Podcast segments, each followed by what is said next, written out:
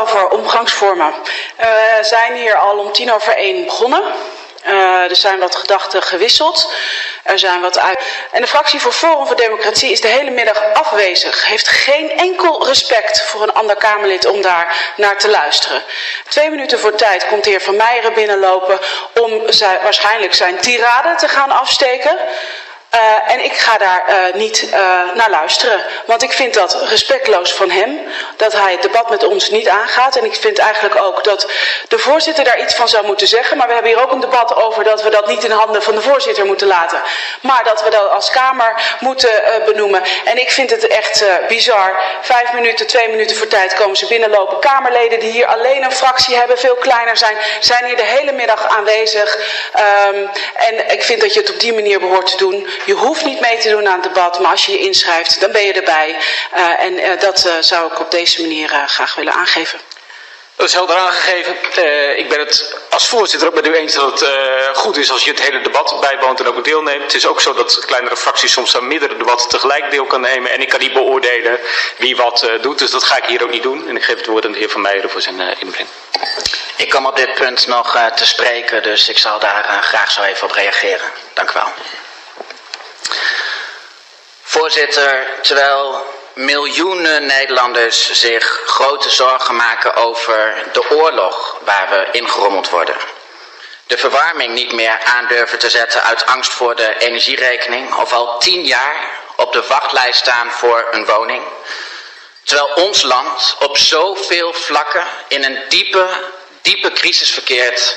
Gaat het hier vandaag de hele dag niet over de inhoud maar over de toon van het debat. Een wanvertoning. Dat we niets beters te doen hebben. En FVD is lang van plan geweest om überhaupt niet aan dit debat deel te nemen. Omdat we onze tijd op zoveel andere manieren kunnen besteden. Maar tegelijkertijd staat er wel iets op het spel vandaag. Namelijk de vrijheid van meningsuiting van de parlementariër.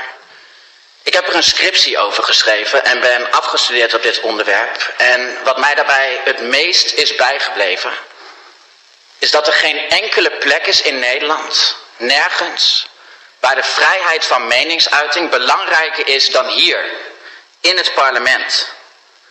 Het blijkt zelfs uit de grondwet, artikel 71 over de parlementaire onschendbaarheid, bepaalt dat wij niet door een rechter kunnen worden veroordeeld voor wat we hier in de Tweede Kamer zeggen. En de reden daarachter die is dat het juist hier waar wetgeving wordt gemaakt en waar de regering wordt gecontroleerd, van het grootst mogelijke belang is dat alle, maar dan ook alle ideeën besproken kunnen worden. Dat alle argumenten kunnen worden uitgewisseld. Dat alle informatie die mogelijk relevant is op tafel kan worden gegooid. En de algemene grenzen aan de vrijheid van meningsuiting, zoals die in het wetboek van strafrecht staan en buiten het parlement gelden, die zouden volgens de grondwetgever te beperkend zijn voor ons als volksvertegenwoordigers om onze functie goed te kunnen vervullen. Het vrije parlementaire debat, dit fundamentele uitgangspunt van een democratie, staat ernstig onder druk. Want sinds het aantreden van de nieuwe voorzitter, nog geen jaar geleden, mag er steeds minder gezegd worden hier in het parlement. En vanzelfsprekend moet voorkomen worden dat debatten ontaarden in chaos, scheldpartijen of geschreeuw. De voorzitter heeft niet voor niets bevoegdheden om de orde te handhaven. Maar de huidige voorzitter misbruikt die bevoegdheden om uitspraken te verbieden en Kamerleden de mond te snoeren omdat de inhoud haar niet aanstaat. Een ongemakkelijke waarheid is zelfs dat het tegenwoordig niet meer is toegestaan om bepaalde meningen, argumenten of ideeën in deze Kamer uit te spreken, terwijl die buiten deze Kamer wel gewoon zijn toegestaan. Uitspraken dus die niet beledigend zijn of op, op welke andere wijze dan ook strafbaar zijn, maar door de voorzitter als ongepast worden aangemerkt. Om afwijkende meningen te kunnen uiten, om echt te kunnen zeggen wat we ergens van vinden, worden we dus langzaam maar zeker gedwongen om ons te verplaatsen naar zaaltjes in het land of naar podia bij manifestaties, want daar mag het wel gewoon gezegd worden. En dat klinkt sommigen hier vandaag misschien als muziek in de oren. De Tweede Kamer als safe space waar u geen last meer heeft van gevoelens van ongemak door confronterende meningen die te ver van uw mening afstaan. Nooit meer rillingen over uw rug, nooit meer een nare smaak in uw mond. Nooit meer hoeven zeggen, ik neem hier afstand van. Gewoon niet meer in aanraking komen met opvattingen die u niet meer wil horen. Het is zo makkelijk, maar ik hoop dat u zich realiseert dat u de democratie met deze gevaarlijke ontwikkeling definitief begraaft. Want, en ik sluit af voorzitter met een bekend citaat van George Orwell. If liberty means anything at all, it means the right to tell people things they do not want to hear. Dank u wel. Dank u wel. Mevrouw Van der Plas had een puntje, veel al zes interrupties gehad, maar ik geef haar de gelegenheid om kort ja, inderdaad. Uh, toch even een punt. Want um, de heer Vermeijeren hoor ik zeggen, uh, terwijl de hele wereld in brand staat en niemand kan zijn rekening betalen, gaat het hier over de toon van het debat, niet over de inhoud. Nou, het is hier de hele middag over de inhoud gegaan, dus dat zou ik van de heer uh, Vermeijeren wel willen, um, eigenlijk willen weten, uh, waar is het eigenlijk over gegaan, dit debat? Want dan heeft u het kennelijk ergens anders gevolgd. En mevrouw Leijt heeft heel groot gelijk. En ik ben niet vaak naar voren aan het stappen bij, uh, bij uw partij. Maar ik ben het er volledig mee eens. Het is gewoon een totaal, ja, het is totale waanzin dat uw partij, niet alleen bij dit debat, maar bij meerdere debatten, zich gewoon niet vertoont totdat de inbreng is. Dan pakken jullie het spulletje weer op en dan loop je weg. En dan kom je weer terug als er moties worden ingediend. komen ze weer eventjes terug. En lopen ze weer weg. En dan zijn ze bij de stemming en zijn ze weer terug. En ik wil, zou heel graag willen, als we het over eerlijkheid hebben en transparantie. En u mag voor mij zeggen wat u wilt in de Kamer. Totaal geen moeite mee. Maar voor de eerlijkheid en de transparantie zou ik graag willen dat de heer uh, uh, Vermeijeren ook nu voor de camera zegt en uitlegt waarom deze partij vrijwel nooit bij een debat is en vrijwel nooit meedoet aan de debatten en de inhoud. Waarom is dat? De heer Van Meijer. Nou, laat ik daar heel graag op antwoorden. Um, zoals ik aangegeven heb, ben ik vandaag uit principe niet hier geweest om de hele dag te gaan luisteren naar tal van partijen die allemaal hun best doen om zo verontwaardigd mogelijk te zijn over de toon van het debat. Mevrouw van der Plas geeft aan, het gaat wel degelijk over de inhoud. Maar ja, om te bewijzen dat ik uw inbreng heb gevolgd. U heeft zelf aangegeven tijdens uw betoog dat het hier voor het eerst sinds de parlementaire geschiedenis zo is dat er wordt gesproken over de vorm van het debat. De wijze waarop het debat gevoerd wordt. Niet over inhoudelijke onderwerpen die zoveel belangrijker zijn. Wij staan hier bij de, iedere week bij de regeling om debatten aan te vragen over de immigratieproblematiek, het, klimaatbeleid. Uh, noem het allemaal maar op. We krijgen altijd horen, oh, oh, oh, de plenaire agenda die staat zo vol. Um, wat ik vanmiddag gedaan heb, dat is andere debatten voorbereiden.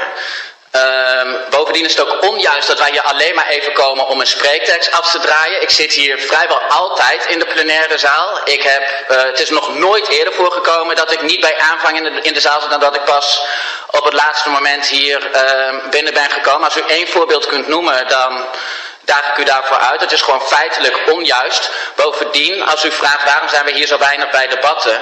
Nou ja, wij proberen onze tijd zo, zo efficiënt mogelijk te besteden. In 90% van de gevallen staat hier de uitkomst van een debat op voorhand al vast. En is iedereen hier alleen maar zijn toneelstukje aan het opvoeren. Wij zijn de enige partij die ook buiten verkiezingstijd in nauw contact staat met burgers. Constant het land ingaat.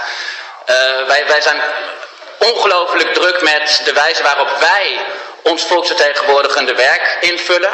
En als u het daar niet mee eens bent, of andere mensen, dan staat het iedereen vrij om op andere partijen te stemmen. Uh, wij krijgen van heel veel van mensen uit onze achterban, mensen die op ons gestemd hebben, en daar doen wij het voor, enorm veel complimenten over de wijze waarop wij invulling geven aan Kamerlidmaatschap. En dat staat ieder Kamerlid, alle 150, vrij om zelf te bepalen hoe zij invulling geven aan het Kamerdebat. De Kamer de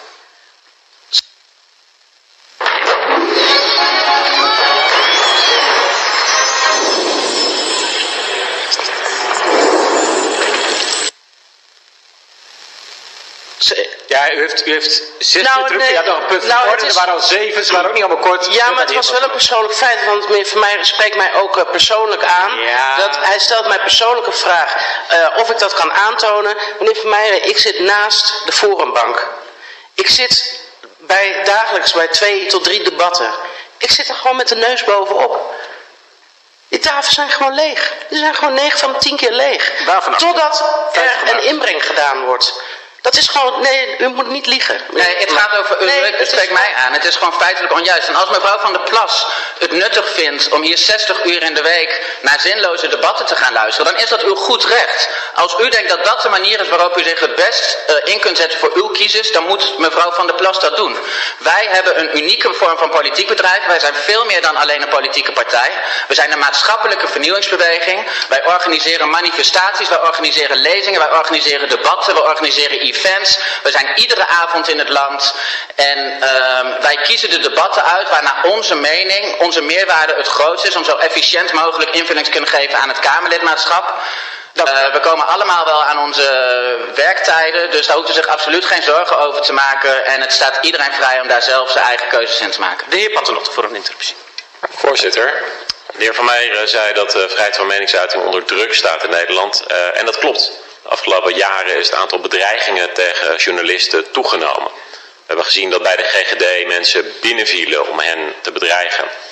Wetenschappers kregen afgelopen weekend nog mensen aan de deur bij hen thuis om hen te intimideren. En sommige ministers, als ze naar buiten lopen ochtends, is het eerste wat ze zien een politiepost. Omdat er iemand voor de deur stond met een fakkel die dezelfde teksten uitte als Forum voor Democratie in deze Kamer. Dus ja, de vrijheid van meningsuiting staat onder druk. En de heer Van Meijeren en Forum voor Democratie dragen daaraan bij. Door te dreigen met er komen tribunalen als u zo doorgaat. Mevrouw Gundogan die hier naar voren liep, ik was bij dat debat, die zei dat zij, maar niet alleen zij zelf, maar ook haar moeder, van de achterban van Forum voor Democratie intimiderende e-mails krijgt en post. En wat deed de heer Van Meijeren toen hij liep naar voren? Om te zeggen dat hij zijn achterban aanmoedigde om daarmee door te gaan. Om nog eens alles te doen om Gundogan op andere gedachten te brengen. Mevrouw Westerveld van GroenLinks gaf aan door, door alles aan haat wat ze over zich heen krijgt. Door filmpjes van Forum. Dat ze daar wel twee keer nadenkt of ze naar de interruptiemicrofoon loopt. Dus ja, de vrijheid van meningsuiting staat onder druk. Dat komt door bedreiging en intimidatie in deze zaal. Mijn vraag is, waarom doet de heer Van Meijeren dat? Nou, voorzitter, ik hoor 10 tot 20 verwijten. Dus ik hoop dat u mij ook toestaat dat Nee, ik hier een heel, even eh, gewoon rustig op ga reageren. Want, eh, nou, maar er zitten heel veel verschillende aspecten in. Te beginnen met ehm, de GGD-medewerkers die belaagd zouden worden. Dat wordt hier in mijn schoenen geschoven. Waarschijnlijk doelt de heer Paternotte dan op het onderzoek dat ik heb verricht... waaruit blijkt dat er onrechtmatig gehandeld wordt door GGD-medewerkers. Dat kinderen onder druk gezet worden om zich te laten injecteren met een experimentele gentherapie. Dat maakt mensen inderdaad Dat is natuurlijk van de zotte. Wij hebben die medewerkers, wij hebben onze pijlen niet gericht op de medewerkers, maar op het beleid. We hebben de medewerkers hun privacy zoveel mogelijk gewaarborgd door ze onherkenbaar te maken. En als na de docu van Boos eh, Ali B. een bedreiging krijgt omdat blijkt dat hij kinderen verkracht heeft, dan is dat ook niet de schuld van de documentairemaker. Ehm, als Peter R. de Vries een documentaire maakt over Joran van der Sloot, omdat hij een meisje vermoord zou hebben en Joran van der Sloot ontvangt daarna een bedreiging, dan is dat niet de schuld van Peter R. de Vries. Wij brengen misstanden aan het licht, die kunnen mensen mogelijk boos maken. Dan het punt over mevrouw Gundogan, want hier wordt weer desinformatie verspreid. Mevrouw Gundogan heeft helemaal niet gezegd dat zij intimiderende mailtjes heeft ontvangen. Mevrouw Gundogan die stond hier op de dag dat er een e-mailbom verstuurd werd naar alle Kamerleden waarin zij werden opgeroepen om tegen de 2G-wet te stemmen. En wij roepen ook onze achterban op, mail de Kamerleden en overtuig hen ervan om tegen die wet te stemmen. Toen kwam mevrouw Gundogan en zij zei dat zij vervelende mailtjes ontvangt en dat dat haar standpunten niet zal wijzigen. Toen ben ik naar de interruptiemicrofoon gelopen en toen zeg ik, ik ben trots op onze achterban die u ervan proberen te overtuigen om uw beleid aan te passen. Dat heb ik gezegd. Er is totaal geen sprake geweest dat er sprake zou zijn van intimiderende of bedreigende mailtjes. Wij veroordelen elke vorm van bedreiging, intimidatie, geweld. Wij roepen op tot vreedzaam democratisch verzet. En het aanschrijven van Kamerleden is daar een prachtig instrument voor, voor burgers om hun onvrede te uiten. En uh, van intimidatie, dat, dat bleek pas daarna, heeft ze pas ergens gezegd dat zij uh, geïntimideerd zou, uh, zou zijn. Dat was helemaal niet, daar waren we helemaal niet van op de hoogte. Ik wil eigenlijk, uh, ik wil eigenlijk over dat, en ik geef de heer Paternotte zo weer het woord voor een interruptie, maar dan niet over deze kwestie. De, persoon, de collega is er zelf niet. De heer Omzicht heeft zojuist ook aangegeven hoe vervelend het is als over u wordt gesproken. Nou ja, ik snap ook wel dat dit voorbeeld wordt aangehaald, maar u heeft allebei uw visie daarop gegeven. Dus ik geef een interruptie weer aan de heer. Nou, maar dan over dat geweld, want nee, nee, ook geweld in, dat wij geweld zouden. Ik geef een, geef een interruptie aan de heer Paternotte, maar niet weer over deze kwestie over een collega die er zelf niet bij uh, is geweest. Maar dat gaat op een bredere interruptie, dus dat gaat de heer Paternotte lukken. De heer Paternotte. Ja, voorzitter, het gaat om wat hier in het parlement gebeurt, wat zijn weerslag heeft in Nederland, maar ook wat het direct doet uh, met onze collega's. En wat de heer Van Meijeren doet is puur een schietvervalsing. Mevrouw Koenegan noemde Forum voor Democratie en Denk. De heer liep toen naar voren en die heeft gezegd dat het hem spijt als zijn achterban dat soort intimiderende berichten stuurt en dat hij zijn oproept om dat niet te doen. Heer Van Meijeren liep toen naar voren om zijn achterban op te roepen om exact hetzelfde te doen en er vooral mee door te gaan. Dat is wat daar gebeurde. En dat is natuurlijk ook niet het enige voorbeeld. Want als je zegt, u, uh, uw tijd komt nog wel, er komen tribunalen, wat een fractiegenoot van u vertelt, is dat ook bedoeld. Om te zeggen dat iemand moet ophouden met wat hij vindt. Dat hij niet zonder last hier moet staan, maar dat hij zijn mond moet houden. Dus ja, voorzitter, de vrijheid van meningsuiting staat onder druk. En het staat onder druk van Forum voor Democratie. Nou, voorzitter, de heer Paternotte die is in de valkuil van uh, fake news getrapt. Hij kijkt kennelijk te veel naar de NPO. Want ik heb ook gezien bij Op 1 dat de heer Kuzu van Denk naar de interruptiemicrofoon liep en riep dat als er bedreigende mailtjes worden verspreid, dat hij daar afstand van neemt. Ik heb ook gezien dat ik toen naar de interruptiemicrofoon liep en zei dat ik onze achterban aanmoedig. Maar wat de heer Paternotte niet heeft gezien, omdat hij niet hier in de zaal zat, maar zich puur en alleen baseert op het fake news van de NPO, is dat daar geknipt en geplakt was in die beelden. In werkelijkheid is het namelijk helemaal niet zo dat ik na de heer Kuzu naar de interruptiemicrofoon liep, maar ik liep daarvoor naar de interruptiemicrofoon toen er nog geen woord was gerept over intimiderende mailtjes. En ik wil ik graag even reageren op het, op het eerdere Van mij maakt zijn laatste zin af en dan geeft de heer uh, Paternotte de laatste... Nou, ik heb nog wel een aantal okay. zinnen, want het gaat over het feit dat de heer Paternotte um, ook aangaf dat er geweld en bedreigingen tegen Kamerleden plaatsvinden door woorden die hier in de Kamer of door politici elders gezegd worden. Um, opnieuw probeert hij hier op misselijkmakende wijze ons in de schoenen te schuiven dat wij verantwoordelijk zouden zijn voor geweld of bedreigingen. Wij roepen nooit op tot geweld. En natuurlijk kan het zo zijn dat woorden die politici gebruiken aanzetten tot geweld of tot haat. Maar het is nog nooit gebeurd, en als u één voorbeeld kunt noemen, dan hoop ik dat dat u lukt, dat een sympathisant of iemand uit de achterban van FVD geweld heeft gebruikt, tegen welke politicus dan ook. Als we dat soort voorbeelden willen zien, dan moeten we kijken naar politici die in het verleden hebben gezegd, uh, ik hoop dat de heer Fortuyn bloedt, waarna er een sympathisant van GroenLinks met een pistool naar de heer Fortuyn loopt om hem vijf kogels door zijn hoofd te jagen. Dat is geweld. Die voorbeelden die zijn er wel, maar die het feit dat mensen uit um, corona, uh, anti-corona hoek mogelijk geweld gebruiken tegen politici, dat keuren wij volledig af, te alle tijden. Uh, in de meest stellige bewoordingen. Maar het zou misschien meer voor de hand liggen dat dat komt omdat die mensen twee jaar lang van hun vrijheid en grondrechten zijn beroofd. Onder het mom van leugens. Dat ze getreiterd worden. Dat ze hier de minister van Volksgezondheid horen zeggen uh, over ongevaccineerden, ik weet waar ze wonen. Die mensen voelen zich geïntimideerd. Zou het kunnen dat, dat ze daardoor misschien boos worden in plaats van dat wij hier oproepen tot vreedzame acties zoals burgerlijke ongehoorzaamheid? Ik, uh, ik, probeer heel goed te luisteren naar wat er in dit uh, debat uh, gebeurt. En ik vond zojuist dat u zei, er komt van linkse partijen, die zijn verantwoordelijk voor, GroenLinks werd daar bij name genoemd, voor geweld. En ook een kogel vind ik niet door de beugel kunnen. En sta ik hier ook niet toe.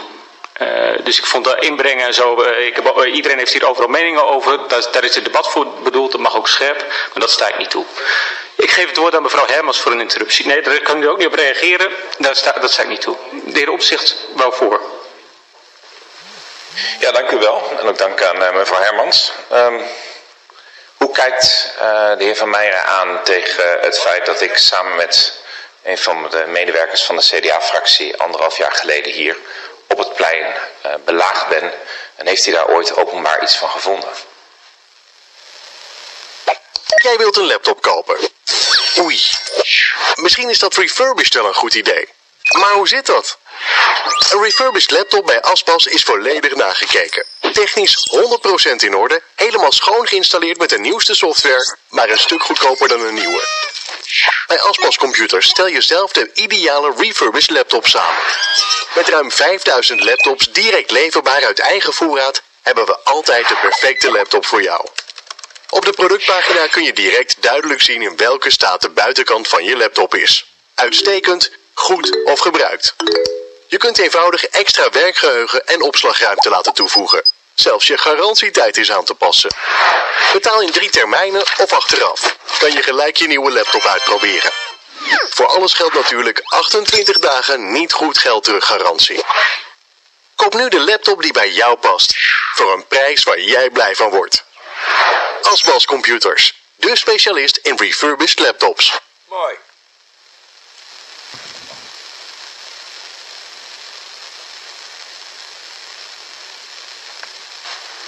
Vanzelfsprekend uh, vind ik het vreselijk, afschuwelijk als welk politicus dan ook hier naar buiten loopt en wordt uh, belaagd. Dat mogen duidelijk zijn. Daar hebben wij ons altijd op alle mogelijke manieren tegen uitgesproken.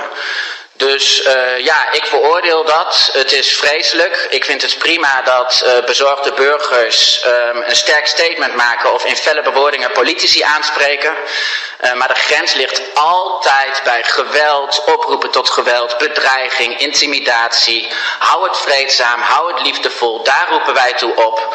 En iedereen die daar grenzen overschrijdt en meent naar wapens of andere middelen te moeten grijpen, dat keuren wij vanzelfsprekend af. Opzicht nou, ik heb er nog drie, vier. Um, voorzitter, dat uh, vind ik fijn om te horen. Uh, echter, uh, de heer Van Meijeren heeft bijvoorbeeld op Prinsjesdag een van deze belagers ontmoet. En um, op het terras hier. En um, ze zijn regelmatig aanwezig bij de FVD bijeenkomsten. En verspreiden ook allemaal campagnemateriaal van de FVD. Heeft het Forum ooit deze personen gewoon zelf, dat mag ook binnenskamers, aangesproken op het feit dat ze dat niet goed vonden dat dat zo gebeurde, dat ze een mening mogen hebben. Er zelfs eentje voor veroordeeld. Maar hebben jullie dat ook gewoon persoonlijk gedaan, omdat deze mensen ook persoonlijk ontmoet? Voorzitter, ik heb geen flauw idee wie deze personen zijn geweest. Ik ontmoet heel veel mensen op het plein. Ik schud iedere dag handen. En uh, ik, heb, ik heb oprecht geen flauw idee wie het zou zijn die de heer Omzicht heeft uh, belaagd. Ik pas altijd wel heel goed op, want uh, de man die met een fakkel naar het huis van de uh, mevrouw Kaag is gelopen, die werd ook direct met FVD in verband gebracht. Bleek achteraf ook totaal niets met FVD te maken te hebben. Dus, ehm, en zelfs voor een andere politieke partij actief te zijn. Um, dus nee, het is mij volstrekt onbekend en wij roepen onze achterban altijd op om vreedzaam en liefdevol uh, het debat aan te gaan. Heer Opzicht tot slot, dan. Dat is helder. En dan uh, hoop ik dat uh, de heer Van Meijeren, wanneer hem dat wel duidelijk wordt, um, um, dat ook aan zijn eigen achterban ook een keer tijdens een demonstratie durft te zeggen. Niet alleen in de Kamer hier, maar ik zou het fijn vinden als hij ook gewoon een keer als er zo'n demonstratie staat, dan lef hebben om te zeggen van je mag alles zeggen. Je mag ook alles vinden. Je mag ook best een keer een uh, scheldwoord gebruiken uh, als je over een politicus praat. Maar doe dit dan niet. En zeg dat dan niet alleen hier. Maar durf het ook bij dat soort um, um, felle rallies ook gewoon terug te geven. Dat zou hem sieren. Maar ik zie daar bereidheid toe. Dat hebben wij ook al heel vaak uh, gedaan overigens. Alleen dat zijn niet de fragmenten die vervolgens op Twitter rondcirculeren. Mevrouw Hermans. Oh god. Voorzitter, dank u wel. We voeren vandaag een debat over de omgangsvormen en over de positie van de Tweede Kamer. En de heer Van Meijeren heeft namens Forum voor Democratie daar een aantal dingen over gezegd. Ik vind er van alles van, uh, laat ik nu even voor wat het is. Maar er was één element in zijn betoog waar ik uh, een opmerking over wil maken. En dat was de opmerking dat de voorzitter uh, ons de mond snoert als haar de mening niet aanstaat. Wij discussiëren hier over wanneer we grenzen stellen in het debat. Wij als Kamerleden, maar ook de voorzitter als voorzitter van ons parlement. Um, als het gaat over bedreiging, intimidatie of het oproepen tot onwettelijk handelen. Dat is, heeft helemaal niets met een mening te maken. Er is hier nog nooit iemand de mond gesnoerd die zijn mening ventileert. En dat wil ik hier uh, nog één keer benadrukken.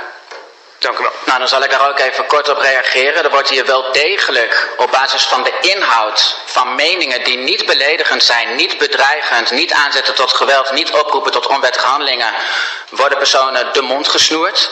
Een voorbeeld kan ik direct noemen, ik heb er trouwens veel meer, maar toen ik hier constateerde, feitelijk constateerde bij de voorbereiding van de wetgeving omtrent het corona-toegangsbewijs, dat het voor het eerst sinds de Tweede Wereldoorlog weer zo was dat er wetgeving werd voorbereid op grond waarvan personen werden uitgesloten van het sociaal-maatschappelijk leven. Toen heeft de Kamervoorzitter um, de microfoon uitgedrukt en gezegd, dat mag u hier niet zeggen, want ik kan mij voorstellen dat mensen thuis dit kwetsend vinden. En de voorzitter die schaakt dat dan onder het kopje uh, bagatellisering van de holocaust. Uh, in haar notitie heeft ze het daarover en ze knikt ook instemmend. Maar ik bagatelliseer daarmee helemaal niet de holocaust. Ik constateer alleen feitelijk dat we een pad bewandelen dat ook bewandeld werd in de aanloop naar de Tweede Wereldoorlog. En vanzelfsprekend, dat heb ik ook al heel vaak gezegd, um, is de huidige situatie op geen enkele manier vergelijkbaar met um, de uitroeiing van bevolkingsgroepen. En als ik die mening hier niet mag uiten, dan vind ik dat een zeer kwalijke inperking van de vrijheid van meningsuiting. Sterker nog, zelfs al zou er een Kamerlid zijn dat de holocaust bagatelliseert, ik zal het niet zijn, maar zelfs al zou hier een Kamerlid zijn dat een standpunt inneemt en zegt, uh, naar mijn mening zijn er slechts 300.000 Joden vermoord. Ik noem maar iets. Dan zou dat niet gebeuren. En zeker Dan zou dat het maar- voorzitterschap uh, wat ik vandaag uit. Dan is daar naar mijn Klaver mening een debat voor over een, uh, mogelijk. Voor een interruptie. Ja, dat is uw mening, maar ik zal het niet toestaan. De heer Klaver heeft een uh, laatste vraag, die heeft u wel zes gehad. Voorzitter, ehm, het gebeurt zojuist weer. Het is wat de hele tijd gebeurt. Op al die demonstraties, op alle filmpjes, een ongelooflijk grote mond. Stoerdoenerij. Thierry Baudet die zegt, ik geloof niet in ideeën dat die de wereld kunnen veranderen, maar wel geweld. Dat hier zojuist weer wordt gezegd, de NPO, het is allemaal fake news. Ondertussen zien we wat er gebeurt. Wetenschappers worden thuis opgezocht, journalisten van de NOS kunnen niet meer zonder beveiliging hun werk doen. Ik fiets hier regelmatig door Den Haag met stickers van Forum voor Democratie waarop staat het is fake news wat er in de media, uh, wat er in de media staat. Telegram groepen waar, de, waar Forum mensen gewoon de leiders van zijn, waarin adressen worden gedeeld van politici. Jullie dragen bij aan een spiraal van geweld in dit land, zeg ik via de voorzitter. En wees dan een vent. Als u zo stoer bent daar buiten om te zeggen, u bent de boel aan het opjutten. Kom daarvoor uit. Ook hier in het parlement. Maar accepteer wel, u vindt hier een verenigde Kamer tegenover u. Want we accepteren het niet dat u dit soort ondermijnend gedrag voor de rechtsstaat hier naar voren brengt. Nu niet en nooit niet. Ja, voorzitter, de selectieve verontwaardiging is toch echt stuitend. Ik noem nota bene vijf minuten geleden nog het voorbeeld van een GroenLinks-politicus, de heer Roosemuller, die voorafgaand aan de verkiezingen in 2002 aangaf, ik hoop dat de heer Fortuyn gaat bloeden, waarna er iemand die aantoonbaar in verband gebracht kan worden met uh, groeperingen die aan GroenLinks gelinkt zijn. Ik ga hier, ik ga hier, hier op het uh, woord voor ontnemen. Ik heb u zojuist ook gezegd dat, uh, dat ik niet toesta dat, dat dat met elkaar in verband wordt gebracht. Er is geen enkel bewijs voor en dat ga ik niet toelaten. Nee, mag u niet. Het punt van orde is aan die kant. U staat aan deze kant en ik bewaak hier de orde. De heer Heerma heeft, een, heeft een, de ruimte voor een interruptie. De heer Van Meijeren in, ging in zijn betoging op de parlementaire onschendbaarheid. En vindt dat, um, dat alles hier gezegd moet worden. Dat is onderdeel van de parlementaire onschendbaarheid. Maar daar zit ook een verantwoordelijkheid hoe wij daar als Kamerleden mee omgaan. En dat is ingeperkt door het reglement van orde. Dat is altijd zo geweest. Is de consequentie van zijn betoog dan ook dat hij vindt eigenlijk dat alles wat, wat, wat ingeperkt wordt door het reglement van orde, dat dat weer afgeschaft moet worden? Dus dat moeten we allemaal schrappen, want dat is een inperking van de vrijheid van meningsuiting. En als hij dat niet vindt, wat is dan de kern van zijn betoog? En ik vraag hem om te reageren op het, slot van de brief van de voorzitter, waarin staat dat de veiligheidsdiensten inmiddels constateren dat de manier waarop hier het debat gevoerd wordt, wat hier gezegd wordt, in verband wordt gebracht met de toename van bedreigingen van Kamerleden en bewindspersonen. En ik heb daar zelf aan toegevoegd journalisten, wetenschappers. En is dat volgens de heer Van Meijeren fake news dat de uh, veiligheidsdiensten zegt? Of zegt hij helaas pindakaas, dat is nou helemaal de consequentie van het onbeperkte vrijheid van meningsuiting die wij hier in dit parlement hebben? De heer Van Meijeren. Nou, ik constateer dat er als het ware twee punten zijn waar ik even op moet reageren. Als eerste mag hier in de Kamer dan echt alles gezegd worden. Nee, ik heb uitdrukkelijk in mijn betoog naar voren gebracht dat het terecht is dat de voorzitter uh, bevoegdheden heeft om de orde te handhaven. Inderdaad, artikel 72 van de grondwet bepaalt dat wij een reglement van orde hebben, maar dat moet zien op de werkwijze, de inrichting en de organisatie van deze Kamer.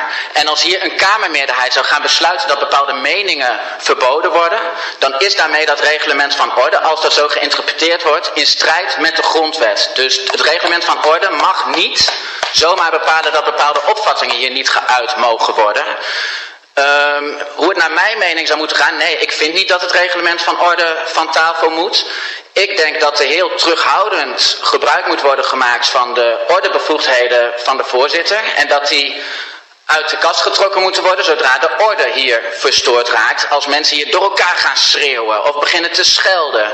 Um, of op wat voor wijze manier dan ook, dan ontstaat hier chaos. Dan is het aan de, uh, de, voorzitter om hier de orde te handhaven. Te zorgen dat wij hier op een normale manier met elkaar kunnen debatteren. Als ik hier op een rustige, kalme manier een bepaald standpunt naar voren breng dat mogelijk kwetsend kan zijn voor mensen thuis, dan zou de voorzitter niet moeten ingrijpen. Maar dan zit hier de hele Kamer vol met allemaal Kamerleden. Die mogen allemaal naar de interruptiemicrofoon lopen om dat te weerspreken. Om te zeggen, dit is de, dit is grootst mogelijke onzin. Um, of het nou gaat over een bagatellisering van de holocaust of een vergelijking met de Tweede Wereldoorlog of wat dan ook. Dan is aan Kamerleden onder elkaar om daar afstand van te nemen, um, waar u allemaal zo goed in bent. Maar de voorzitter die moet zich niet inhoudelijk gaan bemoeien met meningen, standpunten, opvattingen van partijen, omdat die naar het oordeel van de voorzitter mogelijk kwetsend kunnen zijn. De heer Heerma. Nou, ik, er was nog een tweede aspect. Ah, en dat... Ja, u heeft, u heeft de ruimte. Oh, de heer Heerma die. Uh, nou ja, dat tweede aspect dat ging dus over dat er meer um, geweld en bedreigingen richting parlementariërs of andere politici zou plaatsvinden. Nou ja, daarover zeg ik, er is naar mijn mening niet zo heel veel nieuws op dit moment aan de gang. Want bedreigingen zijn helaas van alle tijden. Het, uh, de voordeur van de heer Baudet werd in 2017 al beklad. Uh, met leuzen um, als fascist en allemaal termen die ook gebruikt worden door politici hier in de Kamer. Dus ik hoop dat als u dan al vindt dat we woorden moeten gaan wegen, dat u ook uzelf in de spiegel kijkt. Want het is de retoriek die hier gebruikt wordt.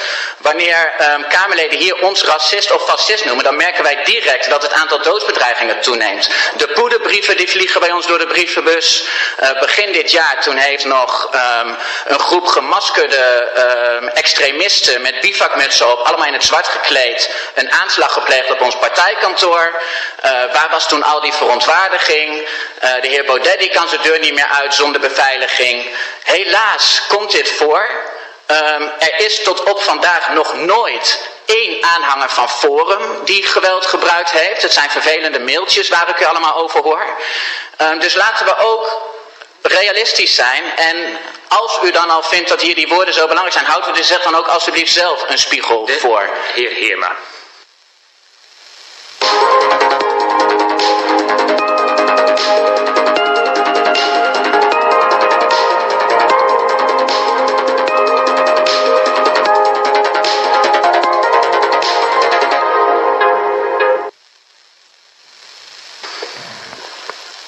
slot van het antwoord vind ik echt fascinerend.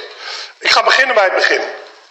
Als de heer van mij hier aangeeft, het reglement van orde hoeft niet aangepast te worden, hoeft niet geschrapt te worden. Het reglement van orde staat vol met punten waarop een voorzitter kan handhaven, indien er hier dingen gebeuren die niet door de beugel kunnen.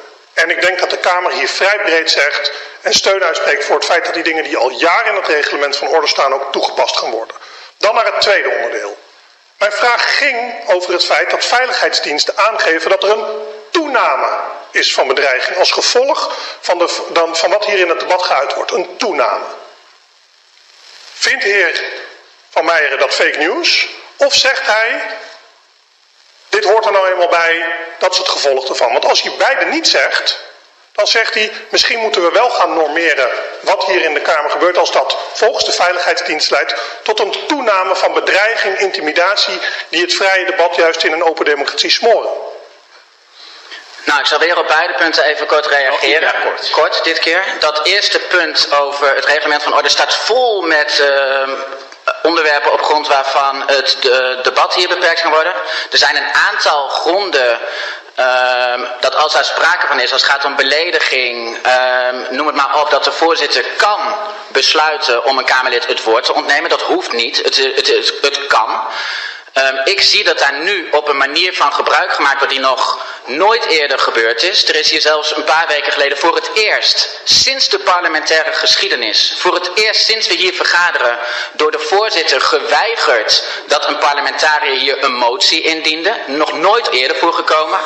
En als het gaat over die vergelijking met de Tweede Wereldoorlog, dat valt niet onder een van die gronden uit het reglement van orde wanneer hier het woord kan worden ontnomen. Dat zijn namelijk die zien op de vorm, op de orde, maar niet op de inhoud. En dat is een heel belangrijk onderscheid. Als wij zijn op dit moment, naar mijn oordeel, rustig met elkaar van gedachten aan het wisselen. En het zou heel onwenselijk zijn als ik hier nu een bepaald standpunt naar voren breng. En de voorzitter vervolgens zegt dat dat niet een standpunt mag zijn, terwijl hier geen sprake is van een ordeverstoring.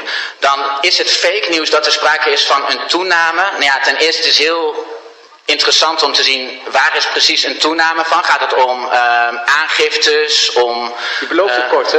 Om een bepaald sentiment op social media. Nou ja, het debat is ernstig verhard en verruwd. En uh, de spanningen in de samenleving nemen heel erg toe. Dus ik kan me voor, heel goed voorstellen dat aan weerszijden... wij merken ook inderdaad een grote toename, ook nu rond het Rusland-Oekraïne debat... in bedreigingen die op ons afkomen. Uh, ja, dat is heel spijtig dat dat uh, gebeurt. Dat, dat noem ik geen fake news. Ik heb alleen gezegd, uh, er wordt hier een soort van debat van oh, alle pijlen op forum. Terwijl ik zeg, het geweld komt van alle kanten en ongelooflijk weinig vanuit onze kant. Dank u wel. De heer Heerma tot slot. Het gaat hier niet om alle pijlen op forum, maar de heer Van Meijer komt hier staan, die komt het debat binnenlopen en zegt ja, ja wat een onzin allemaal. Het, alles moet hier gezegd worden, want anders beknotten we de vrijheid van meningsuiting. Hij is hier nu in de tweede beantwoording mijn vraag, is hier een beetje aan het bijdraaien. Want hij zegt het is heel spijtig dat het tot meer bedreiging leidt. Juist als er spanning in de samenleving is, juist als tot veiligheidsdienst aan toe, maar ook diverse wetenschappers, journalisten, zeggen dat ze een drempel voelen om nog mee te doen aan dat vrije debat, omdat het gevolg is dat het hier in de plenaire zaal soms met naam en toename, met her, herhaling van naam, het ertoe leidt dat ze vervolgens bedreigd worden, hun kinderen niet meer veilig naar school kunnen brengen. Dan is er toch iets aan de hand en dan moeten we er toch wel regels op stellen. Moeten we zeggen, op deze manier willen we niet bijdragen aan verdere escalatie en polarisatie, die uiteindelijk kan eindigen in gewend. Want er is, de heer Van Meijeren zegt, het is nog niet gebeurd. Maar moeten we dan wachten tot het gebeurt en dan zeggen, oké, nu is er een grens overgegaan, nu gaan we normeren. Want dat zou de consequentie van de redenatie van de heer Van Meijeren zijn. Eerst wachten tot het gebeurt en dan zeg je, ja, misschien is het dan toch net ver gegaan. Nee, de grenzen zijn heel duidelijk. Um, als het gaat over oproepen tot geweld, bedreigingen, dan is dat niet toegestaan en dat is vanzelfsprekend. En wat betreft hier in de Kamer gebeurt, kan je daar weliswaar niet door voor een rechter veroordeeld worden, maar biedt het huidige reglement van orde nu al voldoende mogelijkheden om uh, in te grijpen. Tegelijkertijd, als wij hier meningen verkondigen die mogelijk kwetsend zijn, dan is het heel erg lastig om vervolgens te zeggen dat wanneer een politicus een bedreiging krijgt, dat dat het directe gevolg daarvan is. Kijk, wij constateren dat bijvoorbeeld die groep extremisten met bivakmutsen die ons partijkantoor belaagd hebben, waardoor medewerkers van 18 jaar oud met tranen in de ogen achter het, achter het glas zaten, wij merken dat zij dezelfde woorden kiezen als die hier door een aantal politici, politici gebruikt worden, maar wij schuiven niet direct de schuld daarvan in de schoenen van die politici. Want ja, het is heel lastig om daar een kausaal verband in te herkennen. En ik merk in ieder geval, de spanningen nemen toe. Mensen die zijn onrechtmatig van hun vrijheden beroofd. Kinderen die uh, worden buiten het zicht van ouders geïnjecteerd met een risicovolle vloeistof. En mensen die worden daar boos door. En Echt? wij moeten hiervoor komen dat dat gaat leiden tot geweld. Maar niet door hier het debat in de kiem te smoren. Echt tot slot, uh, nou, het is mooi dat de heer Van Meijer in ieder geval kent dat het reglement van orde de voorzitter de handvaten biedt om in te grijpen. En het is ook goed dat de voorzitter daar gebruik van maakt, ook in dit debat als daar aanleiding toe wordt gegeven. Maar de heer Van Meijer gaat toch in de beantwoording van vragen zeggen van ja, als het gaat om meningen die kwetsbaar, waar mensen gekwetst maar daar heb ik het helemaal niet over. Ik heb het erover dat veiligheidsdiensten aangeven dat het debat hier in dit huis leidt tot een toename van bedreiging met geweld.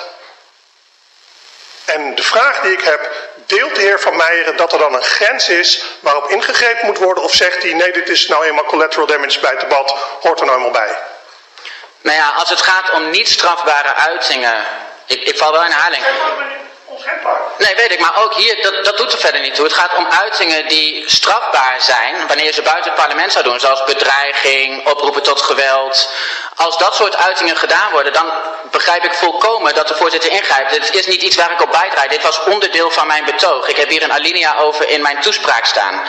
Uh, dat het goed is dat de voorzitter de openbare orde kan handhaven en daar bevoegdheden voor heeft. Als het gaat om meningen zoals, ik heb er meerdere voorbeelden van genoemd. Uh, bijvoorbeeld constateren dat bepaald beleid mogelijk uh, strafbaar is, uh, dat onrechtmatig is. Dat heeft, van heeft de voorzitter gezegd dat ze het niet toestaat.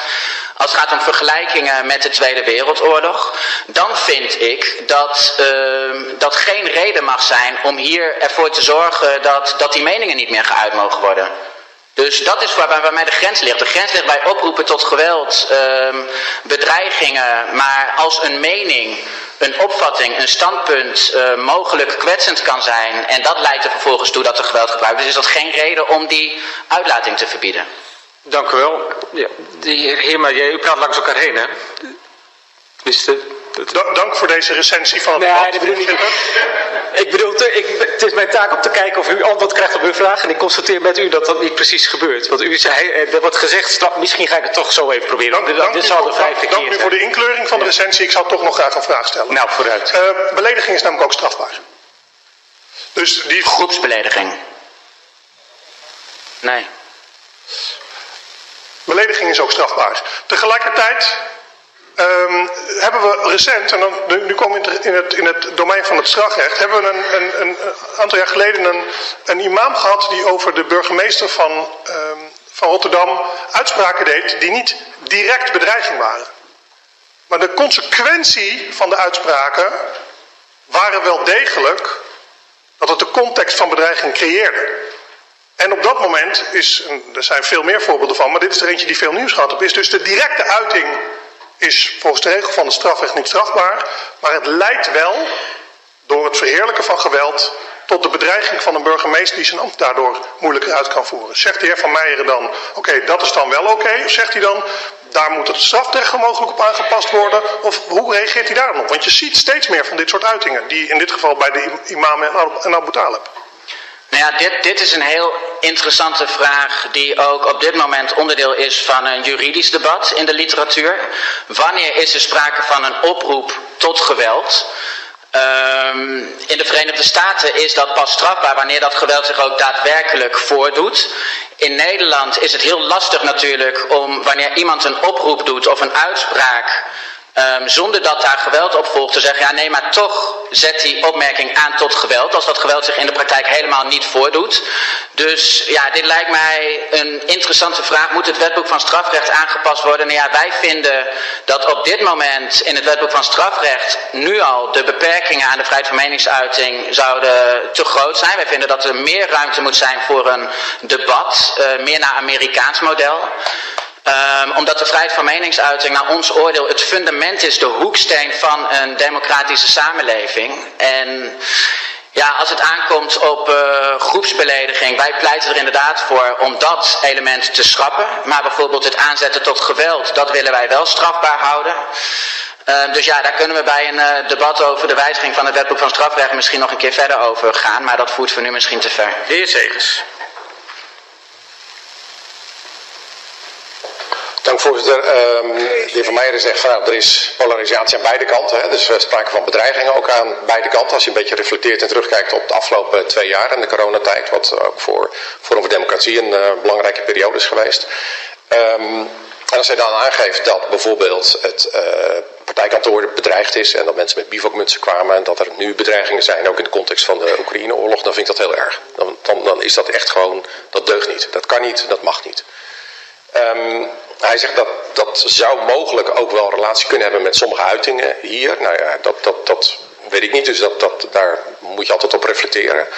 Um, maar andersom zou ik hem om een reflectie willen, willen vragen. Terugkijkend naar de andere kant van de polarisatie. En als hier wordt aangegeven, wetenschappers zijn bedreigd, politici moesten beveiligd worden. Nou, we hebben het incident gezien met een, iemand die met een fakkel kwam bij de minister, of bij uh, uh, nu de minister van Financiën. Uh, collega Kaag destijds. Um, zegt hij terugblikkend, ik had me misschien ook wel eens hier en daar anders kunnen uiten. Of ik had misschien mijn woorden wat zorgvuldiger kunnen kiezen. Is er ook reflectie aan uw zijde? Nou, voorzitter, ik maak iedere dag fouten. En iedere dag als ik hier het debat uitloop, uh, dan denk ik, uh, hè, ik had daar anders op moeten reageren. Uh, aan de lopende band. Ik probeer iedere dag weer te leren van fouten die ik maak. Um, dat eerste punt van de heer Segers over bedreigingen aan ons adres, waarvan ik zeg het zou zo kunnen zijn dat dat ook te maken heeft met gedrag van politici hier in deze Kamer. Ja, dan ben ik wel heel blij dat de heer Segers hier even naar voren komt lopen, want afgelopen week bij het programma Op 1, daar zat iemand te verkondigen dat de heer Baudet ge, um, uitspraken doet waarvoor hij eigenlijk zou moeten worden geëxecuteerd of opgehangen. En de heer, de heer Segers die zat erbij en keken naar. En dat heeft direct gevolg voor de veiligheid van de heer Baudet. Uh, poederbrieven die bij ons op het partijkantoor uh, bezorgd worden. Leuzen die op de voordeur van de heer Baudet beklad worden. Dus uh, ja, ik denk inderdaad, daar kan een link tussen zijn. Maar we moeten er terughoudend in zijn om zo'n kausaal verband direct te suggereren. Maar ik denk dat we uh, ja, daar allemaal over na moeten denken. En in ieder geval uh, de grens ligt wat ons betreft altijd bij elke vorm van geweld. Oproepen tot geweld, bedreiging. En wij roepen op tot liefdevol en vreedzaam protest. De heer Segers.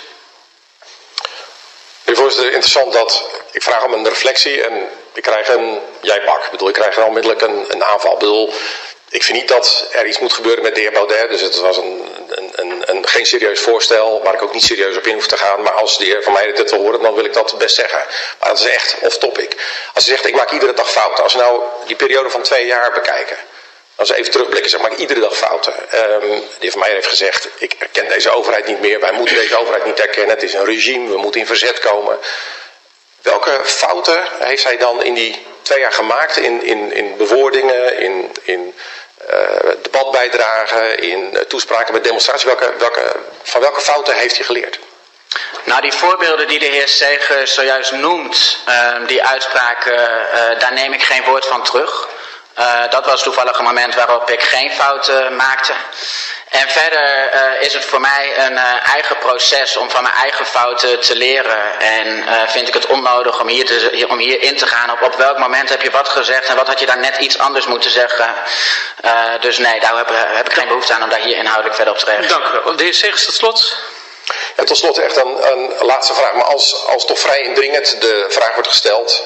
Uh, hoe de heer Van Meijer reflecteert op uh, bewoordingen waarbij vrij serieuze mensen zeggen, daar is een link met bewoordingen die hier zijn gekozen, die ook van de kant van Forum kwamen. En dat heeft geleid ook tot bedreiging kant van wetenschappers, kant van politici. En die Van Meijer zegt in zijn algemeenheid, ik maak iedere dag fouten. Ja, dat is heel gratuit. Het zou zo sterk zijn als we dan in die reflectie na twee jaar, waar inderdaad sprake is geweest van lelijke polarisatie en, en, en er gewoon echt nare momenten zijn geweest van alle kanten. En nog een keer, ik zeg het een keer, in alle helderheid, als er bedreigingen zijn aan het adres van de heer Baudet, of bij het partijkantoor van Forum, of als er poederbrief worden gestuurd, dat kan niet. Dat is verschrikkelijk. Dat, dat, dat, dat, dat, daar moeten we in alle helderheid over spreken. Maar mijn vraag is aan de andere kant, is er niet een begin van een reflectie publiek, omdat het ook zo publiek is geweest. Maar zijn alle woorden goed gekozen? Hebben op het juiste moment de juiste woorden gekozen? Toen inderdaad heel veel boze mensen voor mij stonden. Had ik toen over tribunalen en oppakken en vastzetten en berechten, had ik op die manier er zo over moeten spreken. Ik zou het mooi vinden als daar iets van reflectie zou plaatsvinden. Nou, die voorbeelden die in de media ophef hebben veroorzaakt, uh, daar zit naar mijn oordeel geen enkele uitlating bij die grensoverschrijdend zou zijn. Um, de aanname van de heer Segers dat die uitspraken zouden leiden tot uh, bedreigingen en geweld, uh, daar heb ik nog geen begin van een greintje van bewijs of sterke aanwijzingen voor gezien. Ik denk dat het veel aannemelijker is dat veel mensen, of dat nou een man is die met een fakkel naar het huis van, de heer K, uh, van mevrouw K gaat, of een man die de heer Omzicht op straat belaagt, dat dat mensen zijn die ten einde raad zijn en gefrustreerd zijn omdat hun vrijheden en grondrechten uh, onrechtmatig van ze zijn afgepakt. Ehm, dus nee, ja, nogmaals, eh, ook wij maken altijd fouten en ik wij, houden onszelf, wij kijken altijd kritisch naar onszelf. Maar die voorbeelden die de heer Segers noemt, daar sta ik volledig achter. En dat zijn inhoudelijke opvattingen waar we hier ook inhoudelijk het debat over moeten aangaan, maar waar ik geen woord van terugneem. Dank u wel.